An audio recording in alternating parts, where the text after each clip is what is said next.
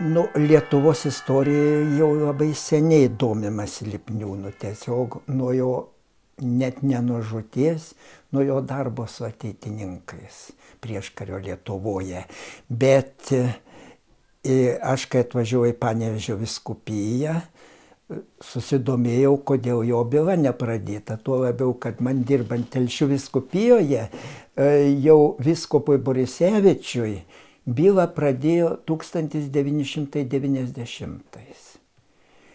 Kad pradėti bylą, tai reikia pirmočiausia truputį surinkti medžiagos ir rašyti raštą į Vatikaną, kad duotų leidimą. Pagrindinius dalykus surašai ant vieno lapo, ant dviejų ir tada duoda leidimą pradėti bylą ir nuo to laiko jau vadinasi Dievo tarnas arba Dievo tarnaitė. Tai mes tą padarėm 2006 metais. Ir nuo to laiko labai smulkiai po archyvus, po Lietuvos archyvus, po Vokietijos archyvus, žmonių nuomonė, žmonių liūdėjimai, nesvarbu ar Lietuvoje ar Amerikoje esantis, visur smulkiai renkami apie jį liūdėjimai, apie jo gyvenimą, apie jo veiklą, apie jo nusiteikimus, apie jo studijas. Ir štai visa jau yra surinkta. Jau kelios dėžės pilnos medžiagos. Ir tada e, bažnytinis teismas e, šiam tikslui sudarytas paskelbė, kad mes pabaigėm darbą, tai užanspauduojamos dėžės su dokumentais ir išsiunčiama į Vatikaną. Ir jau savotiškai žmonėms laimėjimas, nes kai mes atidarėm bylą 2006, Katedra buvo pilna. Matėsi, koks žmonių troškimas. Ir kaip žmonės nuolat net ir mišes užprašo. Ir specialiai maldas kūrė, kad kuo greičiau Lipniūnas Alfonsas kunigas būtų iškeltas į autorių garbę. Ir pasakysiu, kad šito daugiau domėsi Lenkai negu mes lietuviai. Aš buvau kelis kartus nuvažiavęs į Putską Tai įsivaizduokit Putskė, ten, kuris mirė jau nuėjęs tą e, mirties maršą. Iš Tudhofo gyvos varė link Vokietijos. Tai jisai Putskė mirė, tai lenta pritvirtinta Putsko bažnyčioje, jo atminimo lenta, prie ligonės, kuris mirė, prie to namelio, kuriame jis gyveno. Ir e, kai aš nuvažiavau, darėm pamaldas, atvažiavo Gdansko arkiviskupas ir ta trys viskupai. Ir žmonių buvo pilna bažnyčia. Ir jie nepaprastai stebėsi, kodėl jūs lietuviai taip ilgai dėlsitės. Jau keturi Študhofo buvę kaliniai jau paskelbti palaimintaisiais. O jūs, Lipniūnasgi ten buvo pagrindinė e, dvasia. Ir kodėl jūs iki šiol nesirūpinate. Tai va jų, jų toks rūpestis. Taigi jo palaikos e, monsinjoras Antanavičius Juozapas atkasė ir parvežė Lietuvą jau 89-ais. Tai aš kai nakvojau Putskė, nuėjau į kapus, tebėra antkapis jam, radau vieną moterį besimeldžiančią, sakau, nu tai kad čia lipnino nebėra, ko jūs meldžiate, sakau, mes panaikinsim tą antkapį mes neleisim to paminklo naikinti. Jūs išvežėt kaulelius, o jo kūnas į dulkę subirėjo ir pasiliko čia. Pas mus pasiliko. Kasdien čia yra žmonių ateinančių melstis. Lygiai kaip Lietuvoje prie jo kapo katedrai irgi kasdien aš matau ir jaunų, ir senų. Tai va, kad jau galų gale galėsim išsiųsti Vatikaną, tai, tai tiesiog džiaugsmas visiems. Tiesiog... Kiek ten tų yra dėžių, kiek tu ten tų bylų maždaug medžiagos? Atrodo, ar šešios dėžės. Mhm. Ir ta medžiaga, kada buvo pradėta rinkti, tai jinai 2006 sakė. Taip, taip, 2006. Fiksuotai vis tiek pradėta jau domėtis, sakėt, anksčiau žymiai turbūt iškart po jo mirties. Nu, žmonės domėjosi, bet niekur nieks nekaupė. Nieko.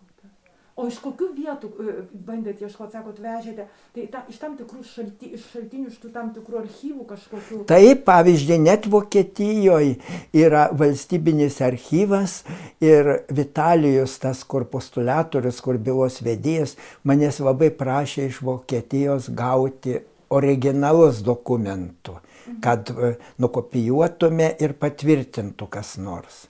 Tai įsivaizduokit, vokiečiai turi visų koncentracijos stovyklų archyvus. Visų bylų pasmerktų žmonių ar žydų ar kieno, nesako, mes neleidžiam žmonėm vartyti bylų, kas iš jų liks. Mes padarėm labai geras e, skaitmeninės kopijas ir mes patvirtinam, kad atitinka originalui. Taip, va, elektroniniu paštu ir gavom originalius dalykus. Reikėjo nurodyti e, kalinio numerį, vardą, pavardę ir, ir tėvus viską jie surado. O tas pats Lietuvos archyvuose, tai juk ir sovietinis archyvas ką nors kaupė, ir, ir vokiečių archyvas, ir Lietuvos e, prieškarinė valdžia, nes faktiškai Lipniūnas buvo tarsi kovotojas ir prieš kariniai valdžioj kai ateitininkus uždraudė. Jis buvo kovotojas. Tai va, ir visur randama daug medžiagos archyvuose, kaip jis elgėsi su žydais, kaip jis teigė organizacijas, kaip jis teigė paramos fondus, rinkdavo paramą Vilniaus krašte, arba kaip jis saukom elgėsi su studentais, kaip rūpinosi, kad jie turėtų iš ko studijuoti. Taigi visur žmonių liūdėjimai pakankamai yra medžiagos. Labai daug tos medžiagos buvo surinkęs kunigas Stasys Įla. Tai jisai norėjo išleisti knygą, kaip išleido apie Čiulionį, kaip išleido apie arkiviskopą Matulaitį, bet numerį nebaigęs. Tai aš iš Putnamo Alkos muziejaus parsivežiau ir čia suradau lietonistę, kuri sutvarkė tą medžiagą parvežtą ir, ir išleidome.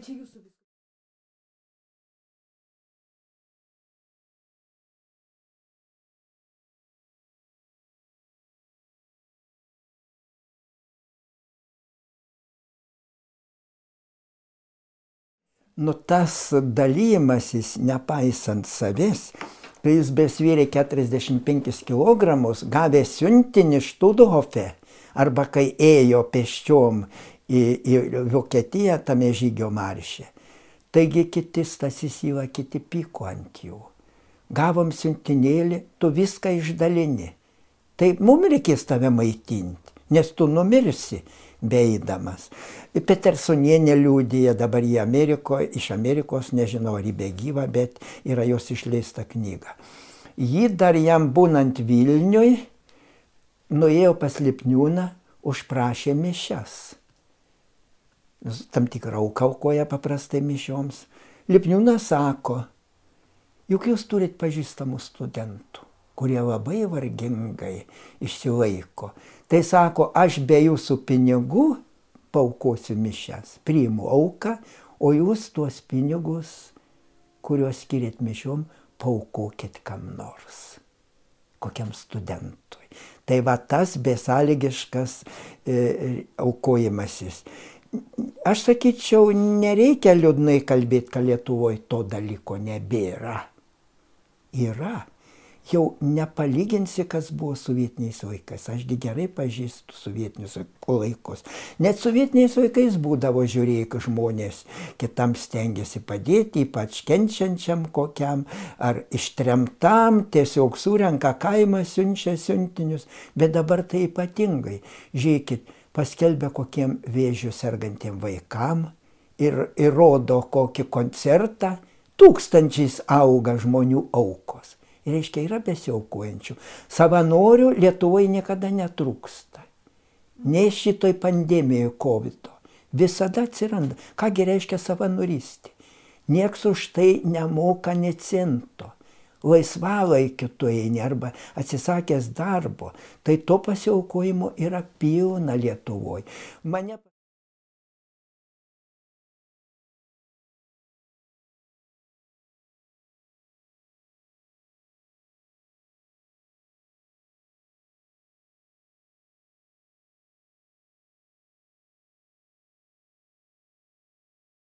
Taip, prieš karinė Lietuvoje buvo uždrausta ateitininkų organizacija. O Liupinas to nepaistė. Nepaisė. Visur steigė bendruomenės, jaunimui reikia daug iškilų visokių ir pasisakymų, tai jis per ežerus plaukė, policija sulaiko Ir jisai vėl toliau, nekarta net visko paskau Paltarokas už jį užmokėjo baudas, var jis niekaip nepasidavė. Ir kai atėjo tarybų valdžia, vis tiek žinojo, kad draudžiama dar labiau, jis ir tada nesiliovė. Apaštalavo ir studentų tarpe, ir kitur, bet į viršūnę tai koncentracijos stovykla. Ten buvo uždrausta pamaldos. Ten buvo keli Lenkų kunigai. Niekas neorganizavo pamaldų, tik Lipniūnas. Va dėl ko juo labai užsidegė Lenkai, kai jį baisiai gerbė. Jis rizikavo žinojo, kad dėl to gali net užmušti. Nes ne vieną študovę yra užmušę. O jis vis tiek. Bet viršūnė, jūs turbūt žinot, su prižiūrėtoju Kozlovskiu. Tas Kozlovskis ypatingai žiaurus, sakydavo bloga diena, jeigu man nepasisekė penkių kalinių užmušti. Ir jis karts nuo karto pasikviesdavo kalinį į namus. Kalinį į namus ir paprastai negrįždavo tie kaliniai. Ten užmuždavo ar kitaip sunaikindavo, kas ten žino. Nu ir, ir jis buvo lipniūną sumušęs, nukrito, spardė lipniūną, sudaužė jo akinius ir yra išlikę jo akiniai suskilusios stiklo. Ir štai Kozlovskis vieną gražią dieną kviečia lipniūną pas save. Tai kiti kaliniai sako, taigi vienas da negrįžo, tu neik. Tai geriau tavo čia tegu užmuša, o negu ten kur nors, kai mes ne nematysim, neik. O Lipniūnas sakė, eisiu. Bet dar reikia prieš tai paminėti, kai jis taip Kozlovskis užmuždavo kalinių, tai kaliniai buvo susitarę Kozlovskį užmušti. Sako, patikiosim, vienas mauks, kitas pardėsim, ar pagalį kokį nutvėrė. Lipniūnas kovojo už Kozlovskį. Neturi teisės. Dievo įsakymas nežudyk. O be to, kai jį dabar tokį nusidedantį užmušit, tai jis į pragarą eis. Todėl turim gimės, Dievas nenori ne vieno žmogaus pragarę, į Kozlovskio Dievas nenori pragarę. Todėl už jį turim ypatingai melstis. Melskimės. Tai va, kai kviečia ateiti, Sakogi, aš melžiausi, jūs melžitės, tai ko bijot pasieiti. Ir įsivaizduokit, grįžta Lipniūnas verkdamas. Sako, Kozlovskis pas mane atliko išpažinti. Tai va atsivertimo ženklas. Tai va kaip laimi visiškas pasiaukojimas, kovojimas už žmogų, net blogą žmogų. Juk žinom, kad Jėzus Kristus kankinamas meldėsi už savo kankintojus. Tėve, atleiskiems, nes jie nežino, ką daro. Jo mokinys e, apaštalas Steponas, kai jį mušė akmenim, vėl meldys už kankintojus, tėve, Dieve, tėve, nepaskaityk jiems to už nuodėmę. Tai va taip ir lipniūnas. Aš mm, toj Ilos knygoj Lipniūno gyvenimo apibraižą rašau, patalpinau skirelį susitikimai. Aš ir jokauju tame, sakau, juk jūs įrodinėsit, kad negalėjo būti jokių susitikimų, nes kai jisai reiškia, kai aš gimiau, jis jau buvo labai toli nuo gimtųjų kraštų, nors nuo mano tėviškės iki jo tėviškės geras 10 km, bet jis tada jau Vilniui buvo, kai aš gimiau. O jau 45-ais Taigi jis jau mirė, o aš dar faktiškai tik nustojau be kelnių lakstyti. Bet vis tik aš susitikau su juo. Kitaip. Jo, aš ir rašau toj prisim, e, knyg, susitikimai. Būtent aš paauglys čia mokiausi panevežį ir nuolat katedroje. Ir matyti vienuolės, vienuolinai buvo uždrausti, vienuolės pastebėjo Ir vieną kartą man duoda mašinėlę spausdintą knygutę apie Lipniūną. Ir aš tada pirmą kartą bariau su Lipniūnu, pirmą kartą susitikau, sakau, tu kankinys, tu esi dangoje, o tu žinai, kad aš nuo vaikystės, tu tikriausiai žinai, kadangi dangoje, kad aš nuo vaikystės norėjau būti kunigu, bet prašau, aš negalėjau baigti normalios mokyklos, turiu mokytis čia visokių techninių mokslų, geodezijos, visokios, reiškia, su instrumentais visokiais, nehumanitariniai mokslai. Ir, o, o tai E, tai kaip man tada nėra, nebebus kelių tapti kunigu, aš jam prikaištau tiesiog. Jau vėliau perskaičiau knygutes, Antanavičiaus išleistą knygutę, paskui Petersonienės išleistą knygutę Amerikoje, ten daugelio autorių prisiminimai. Bet stebėtina, kai tuose žmonių liūdėjimuose, pavyzdžiui, asmeniškai man pažįstama daktarė Rožį Šomkaitė, Amerikoje gyvenanti Taigi jį tada buvo jauna ateitininkė. Jis sako, tokio iki tol nebuvo Lietuvoje ir ko gero nebebus. Tai aš paprašiau, kad šitoj byloje, o tose dėžyse dabar yra ir jos liūdimas, kai jį parašytų liūdėjimą, kuom jai Lipniūnas toks brangus. Taigi jį matė, jis su juo bendravo ir, ir tiesiog matė visą jo pasiaukojimą visą jo maldingumą, visą troškimą, kad jaunimas kuo labiau būtų aktyvesnis.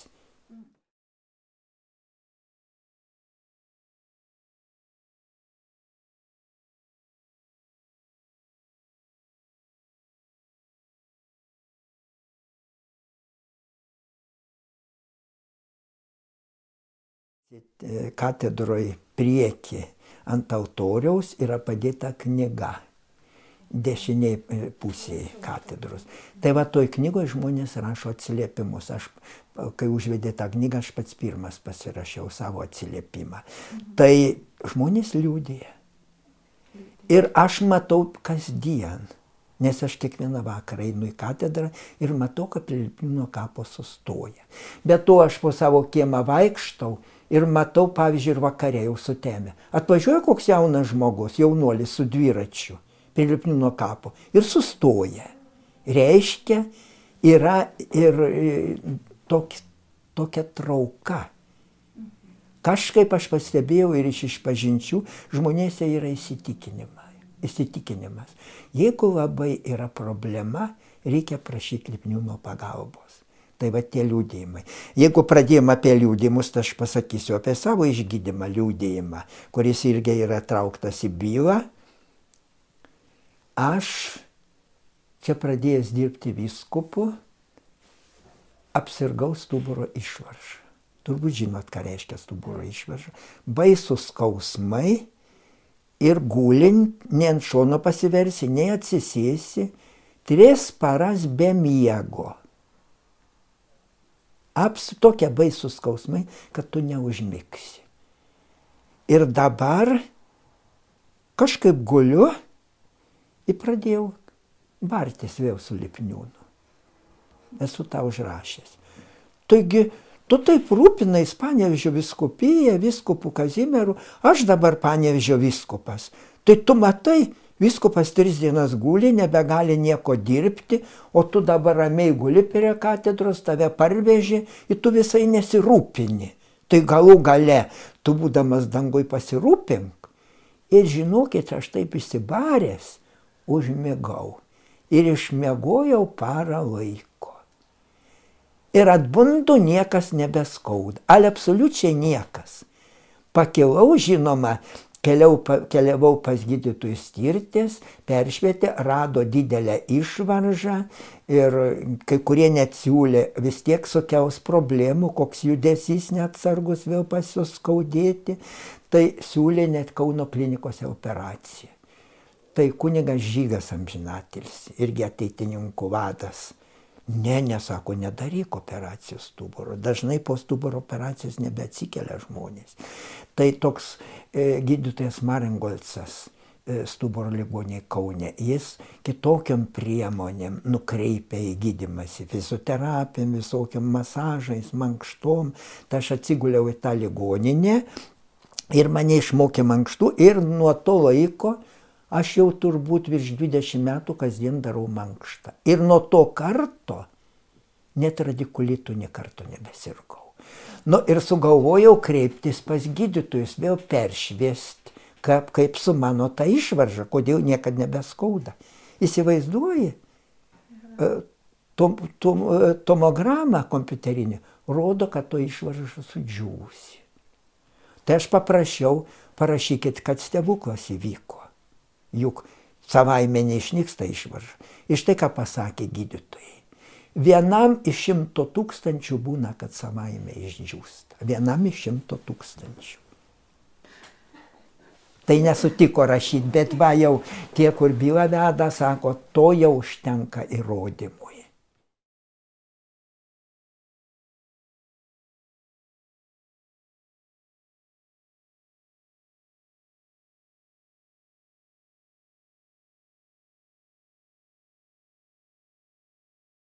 Nu, aš tų darbų nemačiau, ne, nepažiūrėjau, kai nukopijavo ten ištraukas, bet kai, va, kaip jūs sakot, yra tik tai apmatai. Šiaip, taigi, kad jis linkėsi studijas, taigi studijavo Lilio universitete Prancūzijoje ir rašė ir apie keliones, ir, ir reiškia, rūpinosi, kai jaunimas labai lavintųsi, juk vėl primenu, kad ypač rūpinosi, kad studentai turėtų iš ko studijuoti. Visą laiką tuo rūpinosi. Ir, ir rūpinosi, kad jaunimas kalbėtų, kad lavintų save. Juk ateitininkų visada e, turi ateitininkai paruošti kokius referatus, kalbas. Tai va tą ypatingai rūpinosi, kad Lietuva auktų. Nu ir tą jo sugebėjimą įsigilinti aukštesnius dalykus, pastebėjo ir viskopas Kazimieras Paltarokas. Jau nepaslaptis planavo jį padaryti savo pagalbininku su laiku viskupu padaryti. Tai reiškia, tokių tiesiog įrodymų yra.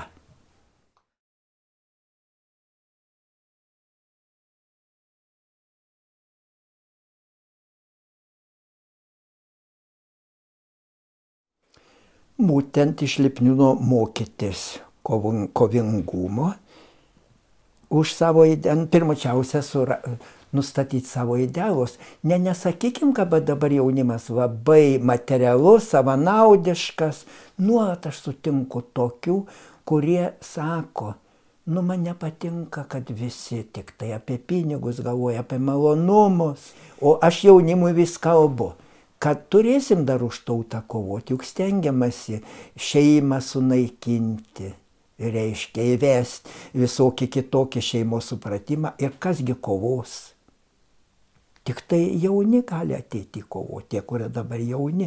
Tai va pritarė, yra tokių pritarančių. Ir va dabar vakar, tai aš vedžiau švento Antano atlaidus telšiuos, irgi sutikau jaunų žmonių, kurie man dėkoja, kad aš įsijungiau. Tarp kitko telšiuos aš buvau tikinčio teisėms gyti komitetas, subūriau Euharistijos bičiulių būrius, tai jie žinojo mano pasiaukojimą. Ir kartais jie klausia, iš ko tu mokėjai? Sakau, iš tų, kurie aukojosi, aš ir iš Lipniūno mokiausi. Pavyzdžiui, su saugumu bendrauti, aš mokiausi iš Lipniūno. Nes kai jį nubausdavo policininkai, eiliniai policininkai, jis važiuodavo apie Lietuvos policijos valdžią. Aiškintis, kodėl baudžia mūsų šalis demokratinė, ar ką aš padariau blogo, kas ką aš su jaunimu buvau, a demokratija draudžia būti jis kovodavo. Taip kitko, kai mane paskyrė į Skaudvilę klebonų, aš žiūriu ten, kadangi rajono pakraštys labai daug atveža krikštyti, tuoktis, o bažnyčia. 84 pradžia. Daug šaltoj bažnyčio, galvoju, tuokėsi pusnuogiai, vaiką krikštė, šalta. Reikia būtinai kitiem metam padaryti apšildymą. Kreipiausi rajono valdžią, paminklinė bažnyčia, architektūrinis paminklas, negalima nieko statyti. Tai ką aš padariau išlipino mokydamasis? Nuvažiavau pas Lietuvos saugumo viršininką į Vilnių. Ir sakau, tuo labiau, kad aš jau buvau Svarinsko Tamkevičiaus byloje tardytas, tai man jau ne, ne nauja pažintis. Sakau, Nu va, neleidžia apšildymo padaryti, sakau, nenustepkit, kad atsiras kroniko ir visas pasaulis skelbs, kad tyčia Lietuvoje šaudomi tikintieji. Įsivaizduokit, kas atsitiko. Saugumo viršininkas iš karto surinko telefoną, paskambino į paveldą. Duokit leidimą skaudvilį įrengti apšildymą. Bet dar daugiau, ką jis ten sugalvos tas kunigėlis? Jūs suprojektuokit, kaip nepažeidžiant paveldo pastatyti, įrengti apšildymą. Žinoma, baisiom sąlygom ten supra, sus, suprojektavo požeminę katilinę šalia bažnyčios. Tik kaminas turėjo išlysti. Bet jie suprojektavo. Va, ir aš jaunimui visada pabrėžiu ir ačiū Dievui supranta jaunimas, kad kovo, reiškia, pirmučiausia reikia nusistatyti, kam aš gyvenu, kad tas malonumai ar greit praeina, arba turtai vėl, kas iš jų dažnai jausis nelaimingas, tai reikia būtent savo turėti nusistatymą ir už jį kovoti, ne tik už savo, bet ir už tautos reikalus, ir už tikėjimą, jeigu reikalas bus. Yra Lietuvoje pasiaukojančių. Pavyzdžiui, ir kronikai medžiagą renkant, arba Euharistijos bičiuliai, juk kryžių kalną tvarkydavo. Kryžių kalnas visada buvo tvarkingas, dabar tai nuolat netvarkingas. O tadagi laisvai juos gaudydavo, eidavo iš Titovinų, didžiausia eisena susidarydavo iš Titovinų Šiluvą, juosgi gaudydavo. Kelmiai dabokliai man, mano auklėtinių daug yra uždarę. Ir vis tiek jie kitais metais vėl bando eiti. Reiškia, yra tokių. Dabar gal iš dalies atrodo mažiau, bet dabar tokio pavojaus nėra. Jeigu kils pavojus, galų galiai tas šeimų didysis maršas parodo kai pajuto žmonės, kad mūsų teisės jau pažeidžiamos ir sukylo. Aš žaviuosi ne tiek to maršu ir rašiau ir savo raštą ir palaikau, bet dar daugiau žaviuosi, kaip tą maršą žmonės išlydėjo. Juk visur pakelėse ant vedukų, su gėlėm, mėtė ant po mašinom gėlė, su vėliavom stovėjo, dainavo, šaukė, reiškia, yra kai tauta pakyla, kaip, kaip sausio 13, taip ir, ir dabar va, tokie ženklai rodo, kad jeigu ta laisvės partija labai spaus, kad ten partnerystė ar Stambulo konvencija, tauta vis tiek kils. Ašgi pamokslus, kaip sakydavau, tarybiniais laikais. Ar žinot kaip? Mane davatkėlės puldavo. Kunigėlį, tu daugiau apie Dievą kalbėk. Tu amžinai kalbi iš komjaunimo tiesos, iš moksleivio, aš ten surenku faktus, kad girtavo, kad susimošė, aš paskaitau tą ir saklausiu tikintieji, broliai seserys. Kaip Jūs galvojat, ar tas jaunimas taip darytų, jeigu būtų tikintis, laikytųsi kaip Jūs tikėjimo? Jie šaukia, ne, ne. Nu, žinoma, mano bendramžiai kunigai mane para, e, e, nutarė pravardžiuoti. E, tokią pravardžią man sugalvojo. Vardant Dievo tėvo ir sunaus iš šventosios dvasios, kom jaunimo tiesa vakar rašė. nu teisingai, nes man tiesiog ne, pavardant Dievo iš karto prasideda kokia, kokia ištrauka. Bet vėl aš mokiausi iš Lipniūno šito. Juk kai atėjo sovietai 40-ais, Lipniūnas iš Švento Jonų bažnyčios sako. Aš tai noriu pasidžiaugti Stalino konstituciją.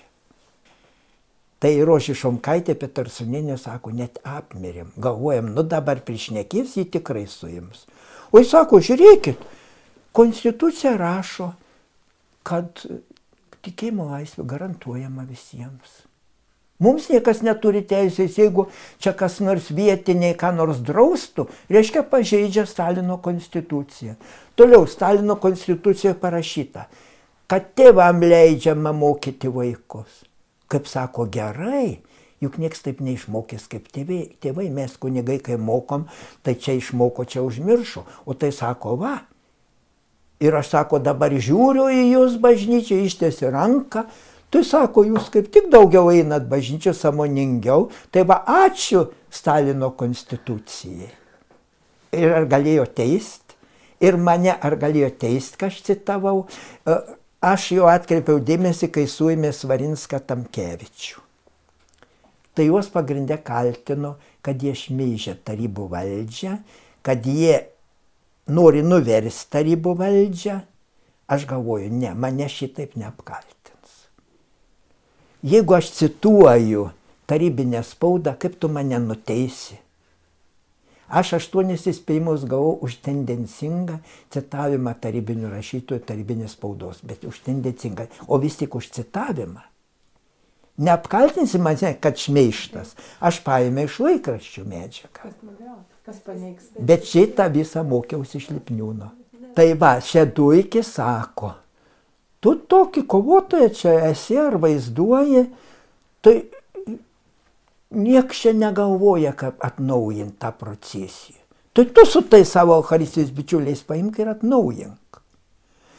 Tai aš ėmiau kalbėti Svarinskui, jis parūpino kryžių specialų, dvi vėliavas šalia kryžiaus, paskui pasiūvom specialias Eucharistijos bičiulių vėliavėlės, paskui baudakimėlį, ten pranciškonas vienas telčiuos buvo, tą specialų, kur eina su tą monstranciją padarė.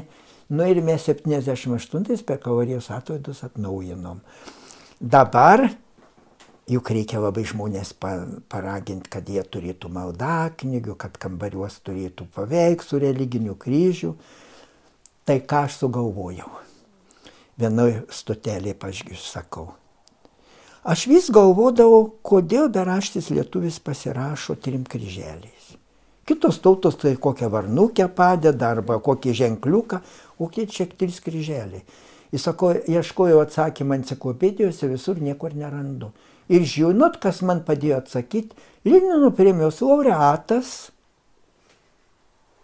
Meželaitis, TSRS centro komiteto narys, jo knygoje mano lyra yra eilėraštis trys kryžiai. Ir rašo, kad lietuvių visada lydėjo trys kryžiai. Vienas kryškelį, kitas prie vartų, trečias trobojant sienos. Tu sako, broliai seserys, ar jūs lietuviai esate ar ne? Sako, lietuviai. Tai sakau, žiūrėkit, Lino primus laureatas sako, kad lietuviai turi lydėti trys kryžiai, pas jūs ant sienos yra kryžiai. Jeigu nėra kryžiaus, nedrįskit vadintis lietuviais. Nu, ar čia neparaginimas? Ir ar mane gali teisti už tai? Jūs puikus diplomatas. Va, aš daugiau tokių prigalvodavau. Ir kiekvieną kartą taip laviruodavot. Jo, kiekvieną kartą. Bet tenai paimdavo, ar baltūšį paimdavo, kad ten už religiją ką pasisakė, ar kitur ir tą panaudoja. Bet čia vėl Libnuno pavyzdys.